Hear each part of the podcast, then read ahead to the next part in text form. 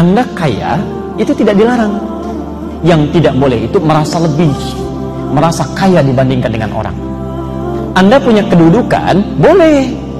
Justru dengan kedudukan itu bisa membuat kebijakan-kebijakan yang baik, punya dampak ibadah. Bisa, Pak, Bu. Tapi yang salah, merasa lebih dengan kedudukannya, sehingga berbuat dolim. Sombong, bisa terjadi. Punya ilmu, boleh yang salah itu merasa lebih dengan ilmunya yang lain kecil semua. Ini yang jadi bahaya. Kan saya sering ibaratkan ya orang sombong itu seperti orang yang naik ke puncak yang tinggi. Dia sendirian naik.